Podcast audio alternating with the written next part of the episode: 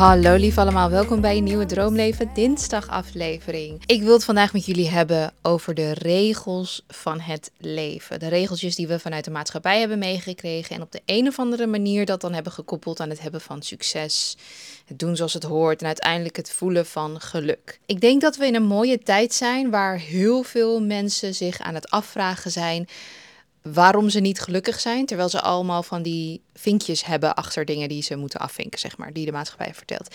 Ik denk dat vroeger, alleen al als we kijken naar de boomer-generatie, weet je wel, na de Tweede Wereldoorlog, daar was niet echt ruimte om over dit soort dingen na te denken. Je geluk was gewoon letterlijk afhankelijk van of jij ehm, werkte en een diploma of een papiertje had of wat dan ook. En dat is ook denk ik wat heel veel immigranten, als je kijkt naar Amerika, maar ook in Europa, weet je, de, generatie zeg maar van mijn moeder, nu is mijn moeder een enorme uitzondering daarin, dus eigenlijk moet ik die niet als voorbeeld nemen, maar laten we zeggen de ouders van, van de mensen van mijn leeftijd, die vanuit een ander land naar een Europees land of, of naar Amerika zijn gegaan, heel veel waarde hechten aan studeren, hoog opgeleid zijn, omdat dat je kans op geluk vergroot, omdat dat letterlijk betekent dat je een baan hebt en met de baan heb je eten, uh, heb je brood op de, plank, op de plank, zeg maar. En dat is een basisbehoefte voor geluk. Alleen, het hoeft dus niet meer, omdat het zo, nou, grotendeels toch goed geregeld is in deze landen, ook in Nederland, grotendeels zeg ik, dat eten op de plank niet hetgene is waarvoor je dokter moet worden, piloot moet worden, tandarts moet worden, dat soort dingen moet gaan nastreven, omdat dat betekent dat je financieel stabiel gaat zijn en daardoor dus ook gelukkig gaat zijn. In ieder geval, er zijn genoeg regeltjes en vakjes die afgevinkt dienen te worden, die onze vorige generaties hebben bepaald, waar wij nu een beetje achter komen dat het helemaal niet hoeft en ook soms wel eens niet eens de bedoeling is, omdat we allemaal zo'n unieke drive hebben in het leven en als we dat zouden volgen, kan er best wel magie tot stand komen en dat kan ook op financiële basis zijn. Daar is het de tijd ook naar om dat te kunnen proberen en achterna te gaan. Laat ik eventjes een hele kleine rewind doen naar mijn leven in 2013. Dat is uh, tien jaar geleden. ik was afgestudeerd van het HBO. Netjes binnen vier jaar. Ik was toen al 15 kilo afgevallen en toen viel ik binnen BMI gezond. Terwijl daarvoor was ik bijna obese. Ik woonde samen met mijn toenmalige vriend. Nou, die werd gezien als knap, lief, zorgzaam. Ik had een mooi appartement. Ik had eigenlijk mijn droomappartement. Zo'n soort van penthouse gevoel. Ik woonde in Zoetermeer. Ik woonde boven het stadshart. Uh, op de dertiende verdieping of zo, of de twaalfde verdieping. Met ramen van top tot teen. Dus vanaf het plafond tot aan de grond. En dan zo de hele muur door. De slaapkamer. Ik had een inloopkast. En dan de woonkamer, een serre. Nou, het was echt mijn droomappartement. Um, dus een prachtig uitzicht. Ik had een goede locatie qua werk, winkels, bereikbaarheid, OV. Ik had een vast contract bij de plek waar ik werkte. Ik had regelmatige uitstapjes naar Europese steden en ging vaak uit eten, naar leuke tentjes en zo. Maar ik voelde me dood en dood ongelukkig. Als ik dit allemaal benoem, en dat deed ik toen ook vaak zat tegenover mezelf, dan dacht ik echt: wat zeur je nou, Tenny? Je hebt het hartstikke goed voor elkaar.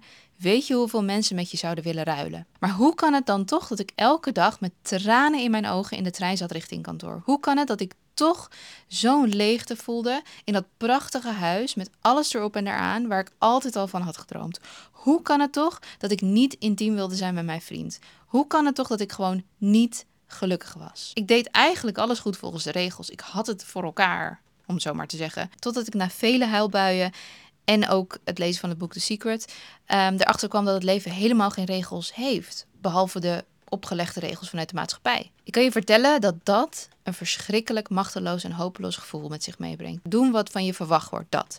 Behalen van deze doelstellingen en er dan achter komen dat het als een leugen heeft gevoeld. En dat voelde het voor mij in ieder geval. En het is ook geen one size fits all leven. En dat bleek elke keer maar weer. Want pas toen ik erover ging nadenken over waar ik als individu gelukkig van werd, los van wat de mensen, de maatschappij zegt en beweert, kwam ik tot hele andere uitkomsten. Ik bedoel, naar mijn mening had ik de regels tot een succesvol leven en gelukkig leven vanuit de maatschappij opgevolgd zonder het beloofde resultaat, geluk. Dus Wat had ik nog te verliezen? Nou ja, ik had best wel veel te verliezen eigenlijk. Want dat mooie appartement en het aanzien van in een relatie zitten. Nou, daar heb ik sowieso niks om gegeven. Maar mensen gingen anders met mij om. Dus het was dan, weet je wel, ik ga dan met mijn vriend uit eten. In plaats van ik ga alleen uit eten. En nu heb ik dat helemaal mijn identiteit ook gemaakt. Maar ik vond het vroeger nooit erg om alleen in een koffietent te zitten. Of te lunchen of uit eten te gaan of wat dan ook. Alleen hoe mensen mij daar een gevoel over gaven. Dat vond ik altijd een beetje dat ik dacht, oh, doe ik, doe ik iets fout? Mis ik iets in het leven? Oh, moet ik dus een vriend hebben? Oh, gaat het dan niet goed in mijn relatie? Nou, we zijn inmiddels tien jaar verder en dat is natuurlijk een heel ander verhaal. Dat weet je als je mij volgt. Maar in ieder geval, ik had, um, ja, wat had ik te verliezen qua gevoel? Niet zoveel. Wat had ik te verliezen qua externe dingen? Heel veel.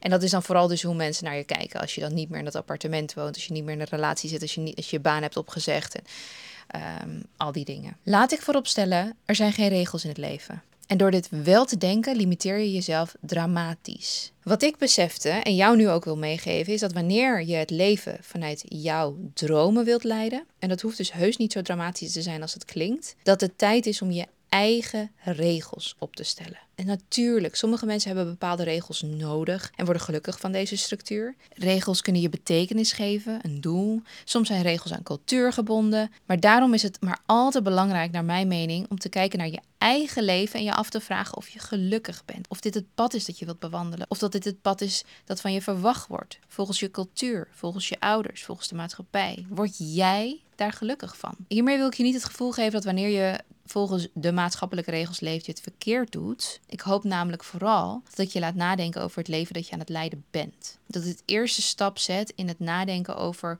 hoe gelukkig je je voelt. Kun je je namelijk een tijd herinneren waarin je gelukkig voelde? En waar kwam dat dan door? Wat zijn de dingen waar je waarde aan hecht in het leven? En doe je deze dingen? Ervaar je deze dingen ook? Hecht jij waarde aan het ontdekken van nieuwe plekken op aarde? Aan reizen bijvoorbeeld? Hecht jij waarde aan financiële zekerheid? Welke dingen gaan hier dan mee gepaard? Is dit positief of negatief? Hecht je waarde aan vrijheid, vrijheid van woonlocatie, vrijheid van werktijden.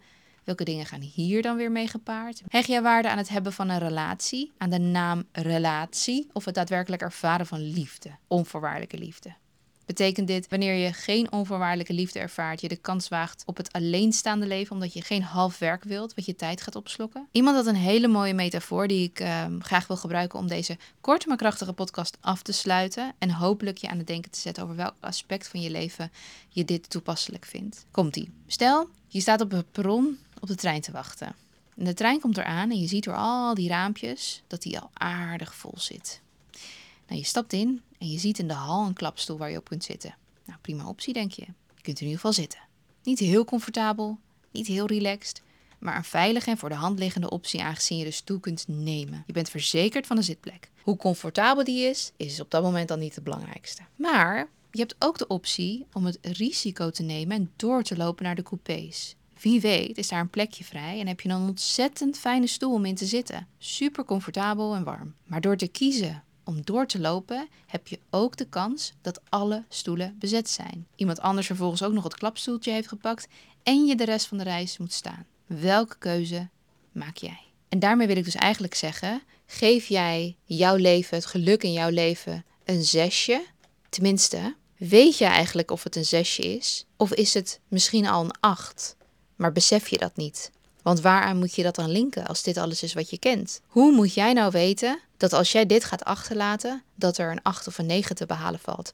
Wat als je dit allemaal achterlaat, gaat proberen de 8 of een 9 te behalen en er dan achter komt dat je al die tijd een 8 of een 9 hebt gehad? Dat is een beetje de angst die ik in uh, gewone mensentaal hoor van heel veel mensen en het nu heb vertaald naar, naar dit. Ik kan je vertellen, als jij twijfelt of je leven een zesje is, dan is het waarschijnlijk een 4. En dan kun jij makkelijk naar een 6, een 7, 8 of 9 of misschien wel 10 gaan. Jij voelt dit niet voor niets. Dus laat dit een teken zijn voor actie, om actie te ondernemen als jij je aangesproken voelt door deze podcast. Ik ben heel benieuwd wat je ervan vond. Ik hecht heel veel waarde aan jullie lieve berichtjes en ook de DM's rondom de podcast en de vragen die jullie stellen, vragen voor content over bepaalde onderwerpen. En dit was er één van. Dus um, ik hoop dat het helpt voor degenen die het nodig hebben. Bedankt voor het luisteren en tot volgende week bij een nieuwe Droomleven Dinsdag aflevering. Doeg!